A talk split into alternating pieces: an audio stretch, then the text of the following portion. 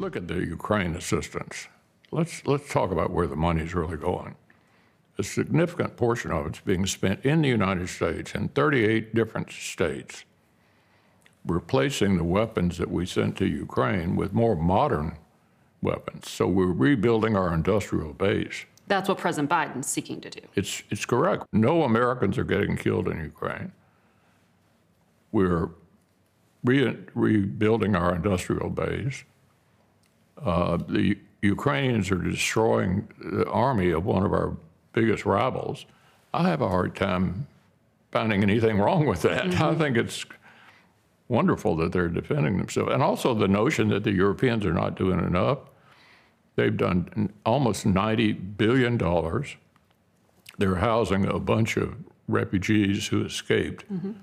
Uh, I think that our NATO allies in Europe have done quite a lot. You sound like you have a lot in common with President Biden in his worldview, based on what you just laid out. Well, not on the domestic side, but on, on this issue that we were discussing today, we're generally in the same place. Je hoort senaatsleider Mitch McConnell van de Republikeinen. En hij zegt eigenlijk: Ja, uh, ik kan eigenlijk niks negatiefs vinden als het om de oorlog in Oekraïne gaat. Alles loopt vanuit Amerikaans perspectief dan op rolletjes.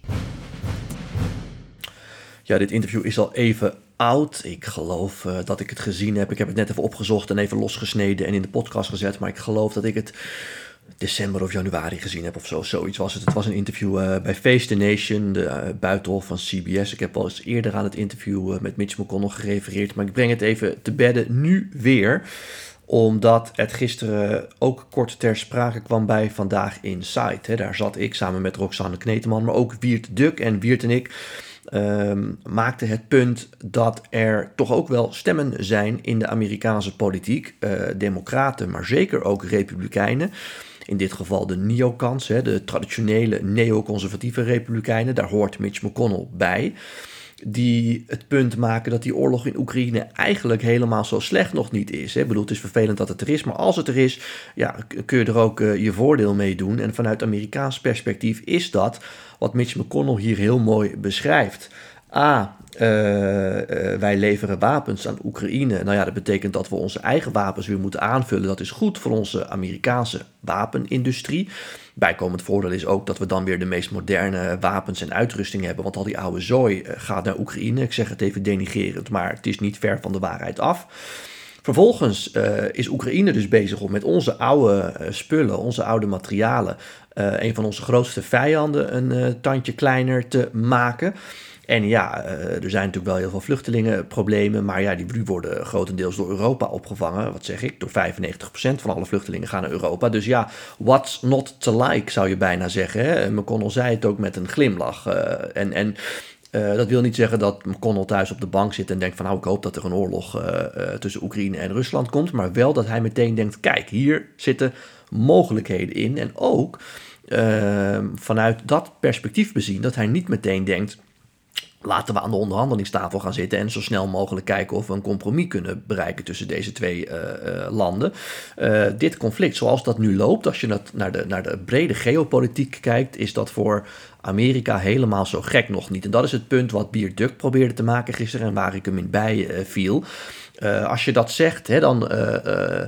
Kijk, waarom breng ik het nu te bedden? Om twee redenen. A, dat zei Biert Duk ook. Als je dat zegt, dan word je al gauw als een soort complot uh, uh, gekkie neergezet. Als, alsof dan jij zou vinden dat de deep state en dergelijke stiekem die oorlog uh, in stand houdt of aan, ja, zelfs veroorzaakt heeft. Zo is het niet, maar het is zoals ik het net beschrijf. Uh, er is een stroming in de Amerikaanse politiek. En McConnell zegt het ook aan het einde. Hè, van nou, als het om de domestic side gaat, de binnenlandse politiek. Ja, ben ik het echt met Biden niet eens. Maar op dit punt zijn we het wel eens. Er is een brede stroming in de Amerikaanse politiek.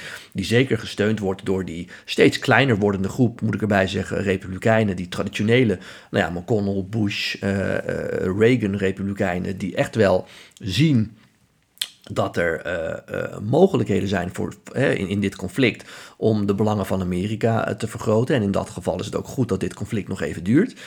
Ehm, eh, en, en ja, dat kun je dan de deep state eh, eh, noemen. Je kan het ook het, wat ze in Amerika vaak zeggen, het military industrial complex noemen. Hè? De wapenindustrie, de hele defensie-industrie, die voor een heel groot gedeelte ook op private bedrijven draait. En dan ook nog eens aangestuurd door dit soort politici. Um, dus, dus ik wil maar aangeven dat die, dat die stroming er is. En, en, en dat het niet zo is als Wier Duk of ik dat zeggen, dat we dan uh, complotgekkies zijn. Tweede reden dat ik het te bedden breng, is dat hier ook voor een groot deel de kracht van Trump uitkomt. Ik zei het net, uh, McConnell is heel machtig. De vraag is of Mitch McConnell zijn baan overigens houdt, want hij is al jarenlang senaatsleider. Doet dat op een voortreffelijke manier. Weet heel goed uh, uh, zijn macht in handen te houden en zijn fractie te bestieren. Alleen ja, sinds hij een paar keer van die aanvallen heb, heeft gehad, waarbij hij stil viel en even niks meer kon zeggen, leken wel een soort mini-beroertes. Uh, ja, en sinds het feit dat Trump nu de Republikeinse Partij heeft overgenomen, is zijn positie wel aan het wankelen. Dus ik denk als Trump de verkiezingen zou winnen, dat McConnell niet lang, McConnell niet lang als senaatsleider blijft zitten, dan zou Tim Scott, of sorry, Tim Scott, ik uh, haal die namen steeds in de war, Rick Scott, senator uit Florida, mogelijk een opvolger uh, zijn om senaatsleider van de Republikeinen te worden. Uh, maar dit is dus ook de kracht van Trump die, die hieruit voorkomt. er is een grote groep Amerikanen die Ehm, zeker na 9-11 en de oorlogen die volgden in Irak en Afghanistan, het gehad hebben met deze stroming politici. Dat zie je ook bij de Democraten. Hè. Zie de documentaire Fahrenheit 9-11 van Michael Moore. Maar bij de Republikeinen zie je dat ook. En daar heeft Trump voor een deel ook zijn kracht uitgehaald. Die zegt: nee, nee, het is tijd om weer Amerika op één te plaatsen. We gaan niet, zeker niet, onze jongens en meisjes meer inzetten in die buitenlandse conflicten. Maar we gaan er ook een stuk minder geld naartoe sturen. Europa moet maar zelf bij betalen. En als het bijvoorbeeld om Afghanistan of Irak gaat ja, heel mooi dat wij daar allerlei uh, scholen en snelwegen hebben gebouwd. Maar laten we dat eens in Alabama doen, want daar staan scholen en snelwegen op instorten. Nou, dat verhaal van de plaatsen Amerika op één hebben jullie mij vaker horen vertellen. Maar daarom laat ik McConnell even horen, want hij vertegenwoordigt dus een steeds kleiner wordende groep Republikeinen. Nikki Haley hoort daar ook bij. Uh, en een grote groep Republikeinen, de meerderheid, de Trumpisten noem ik ze maar even, heeft daar dus afstand van genomen, omdat zij uh, wat McConnell hier goed nieuws noemt, slecht nieuws vinden. Zij vinden dat dus de hele oorlogs. Uh, ja, oorlogsmachine die dan op gang komt vanuit private bedrijven, vanuit het ministerie van Defensie en dus ook dit soort politici, dat die Amerika alleen maar in problemen brengt, dat die op zoek zijn naar conflicten en ja, zoals uh, politicologen dat altijd noemen. Uh, ze hebben heel veel hamers, dus ieder probleem zien ze als een spijker. Uh, als je heel veel um, defensiekracht heb, hebt, dan zie je heel veel problemen in de wereld ook als oplosbaar via defensie. want daar kun je dan geld mee verdienen, daar kun je je invloed mee uitoefenen, et cetera, et cetera, et cetera. Dus wat Wiert Duk zei, wil ik maar zeggen, snijdt hout. en dat is ook voor een deel waar Trump zijn kracht vandaan Dus ik hoop dat ik dat hier uh, wat meer context heb gegeven. Uh, langer dan in de paar minuten dan gisteren bij Vandaag Insight. Goed, tot zover uh, mijn belangrijkste punt van vandaag. Dan naar jullie vragen die jullie weer hebben ingestuurd via Twitter, Instagram en LinkedIn. Ja, en de eerste vraag, even erbij pakken hoor, die ik heb gekregen is van Jeannette. Jeannette vraagt, uh, stel dat Biden tijdens de verkiezing komt te overlijden, is er dan een opvolger? Kan zomaar iemand anders dan zijn plaats innemen? Ja, Jeannette, um, de taak van de vicepresident, dat is dus Kamala Harris in dit geval, um, die wisselt per Witte Huis. Dus met andere woorden, George Bush, is een hele mooie film trouwens van gemaakt, die heette Vice, gaat over het leven van Dick Cheney. George Bush gaf Dick Cheney heel veel macht. Dick Cheney was ook een van die mensen, à la McConnell, die uh, flinke nauwe banden onderhield met die hele defensie-industrie, zowel privaat als het ministerie van Defensie. Uh, en en, en uh, die dus ook ieder probleem in de wereld als een spijker uh, zag. Ehm, maar die kreeg van Bush heel veel macht. En die kreeg onder andere de macht om de oorlog in Irak te bestieren. Om energiebeleid uiteen te zetten, noem het allemaal maar op. Biden kreeg van Obama weer de macht om de terugtrekking uit Irak te regelen. Nou ja, zo kan ik wel even doorgaan. In de geschiedenis zie je dat de vicepresident steeds meer macht krijgt, om verschillende redenen. Maar de taakomschrijving van de vicepresident is er eigenlijk maar eentje. En dat is blijven ademen als de president doodgaat. Nou, wat wil ik hiermee zeggen? Mocht Biden komen te overlijden, ja, dan neemt standaard Kamala Harris zijn plaats in. Maar dat is dan als president. De vraag is wel even of ze ook zijn plaats in zou nemen als presidentskandidaat. Dat ligt wel in de lijn der verwachting, moet ik erbij zeggen. Alleen als Biden komt te overlijden voor de Democratische Conventie, in juli is dat geloof ik, in ieder geval van de zomer, dan kan er nog een discussie ontstaan van oké, moeten we wel deze verantwoordelijkheid aan Kamala Harris uh, geven, want we hebben daar misschien weinig vertrouwen in. Kunnen we op de conventie iemand anders aanwijzen? En dan kan Kamala Harris zelf ervoor kiezen of ze dan de strijd aangaat op het congres, of dat ze zich daarin conformeert en op het congres uh, de partijleden toespreekt en zegt van nee, inderdaad, jullie moeten bijvoorbeeld Pete Buttigieg, de minister van Transport, of Gavin Newsom, de gouverneur van Californië, hebben. Um, als Biden zou overlijden na de conventie en het ticket, het democratische ticket, is dus Biden-Harris, ja, dan gaat dat niet gebeuren. En dan zou ook als Biden voor de verkiezingen komt uh, te overlijden, Harris presidentskandidaat zijn. Dan zou er alleen nog een vicepresident gezocht moeten worden. En dat zou dan ook de een van deze twee heren kunnen zijn. Dus Kamala Harris wordt automatisch president als Biden wat overkomt. Mocht het na de conventie uh, gebeuren, dan is ze ook automatisch presidentskandidaat. Daarvoor dan kun je er nog over twisten. Marco, die zegt: Hey Raymond, iemand op kantoor zei dat een voormalig president van Amerika altijd bewaking en zo krijgt na het presidentschap. Is dat echt zo? Dat zal toch wel een keer stoppen? Ja, Marco, dat is echt zo. En nee, dat zal niet een keer stoppen. Uh, als je oud-president bent, heb je de rest van je leven lang beveiliging van de Secret Service. Afhankelijk van hoe groot de dreiging is. Is dat een groot of een klein uh, team? Uh, neem bijvoorbeeld uh, Jimmy Carter, die nadert de 100.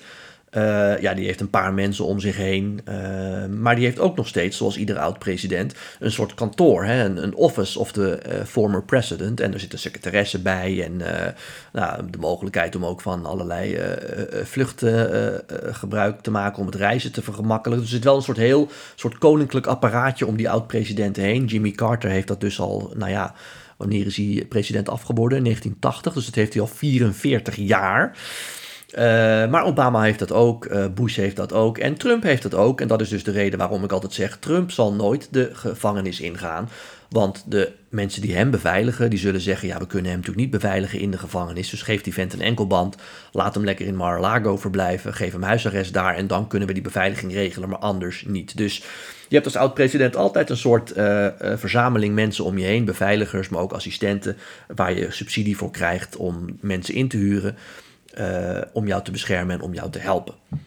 Dan Xander, die zegt: Hey Raymond, vraag je voor de podcast. Op school en in de krant werd mij geleerd dat de Democratische Partij rechts was. Een beetje vergelijkbaar met de VVD. En de Republikeinse Partij nog rechtser en conservatiever. In hoeverre klopt dit nog volgens jou? Zijn de verschillen tussen beide partijen groter geworden of lijkt dat zo? Ja, Xander, dat klopt ook. Uh, ik, ik zeg het altijd zo: uh, gooi de hele Tweede Kamer op één hoop. En je hebt de Democratische Partij in Amerika. Uh, want de Democratische Partij bestaat, ja, ze zijn dus, de Tweede Kamer is ook vrij rechts, maar bestaat over het, voor het grootste deel, gedeelte uit, zeker in vergelijking met de Nederlandse politiek, uit rechtse uh, politici. Maar goed, de een is wat conservatiever dan de ander. Hè. Je hebt uh, mensen als, ja, noem eens wat, AOC in New York, hè, die zijn natuurlijk een stuk progressiever. En dan heb je mensen als Joe Biden, die zijn weer een stuk conservatiever. Um, maar ja, het is het meest vergelijkbaar met de VVD, dat klopt. Maar de VVD is ook een middenpartij in de Tweede Kamer hè, inmiddels, in een vrij rechtse Tweede Kamer. Dus nogmaals, zet de hele uh, Tweede Kamer, uh, maak daar één club van. En dan heb je de Democratische Partij en dan heb je nog de Republikeinse Partij. Ja, misschien zijn ze vergelijkbaar met de SGP, dat zou nog kunnen. Maar die zijn een stuk... Een stuk rechtser. Je zou, en dat is wel een verandering die er is geweest, de Republikeinse Partij inmiddels ook wel kunnen vergelijken met de PVV van Geert Wilders omdat de Republikeinse Partij onder Trump, hè, sinds die het Trumpisme aanhangt, wat afstand heeft genomen van die, van die traditionele uh, conservatieve ideeën, bijvoorbeeld over vrijhandel, dat dat altijd goed was. Bijvoorbeeld over Amerika's rol in de wereld als politieagent, dat dat heel belangrijk was. Naar een wat meer naar binnen gerichte rol van politiek bedrijven, waarin ze dus vooral Amerika op één plaatsen. En waarbij Trump ook een aantal. Uh, eh, punten heeft overgenomen die normaal gesproken vrij links zijn. Hè? Bijvoorbeeld Trump zegt altijd, ik wil dat er gezondheidszorg voor iedereen komt. Hij is een beetje vaag over de details, maar dat zijn dingen die normaal een republikein nooit zou zeggen. Dus er is wel een verschuiving plaatsgevonden. Uh, verschillen tussen beide partijen zijn wel uh, heel groot geworden. Met name culturele verschillen zijn heel groot geworden. Nou, bedankt voor jullie vragen. Blijf die opsturen. Ik heb een hele lijst die ik bijhoud, zoals jullie weten. Dus dan uh, kom ik er vanzelf aan toe. En als je die nou opstuurt, kan via Facebook, Twitter of Instagram. Dan beantwoord ik die weer in een volgende podcast. Tot zover, tot dan.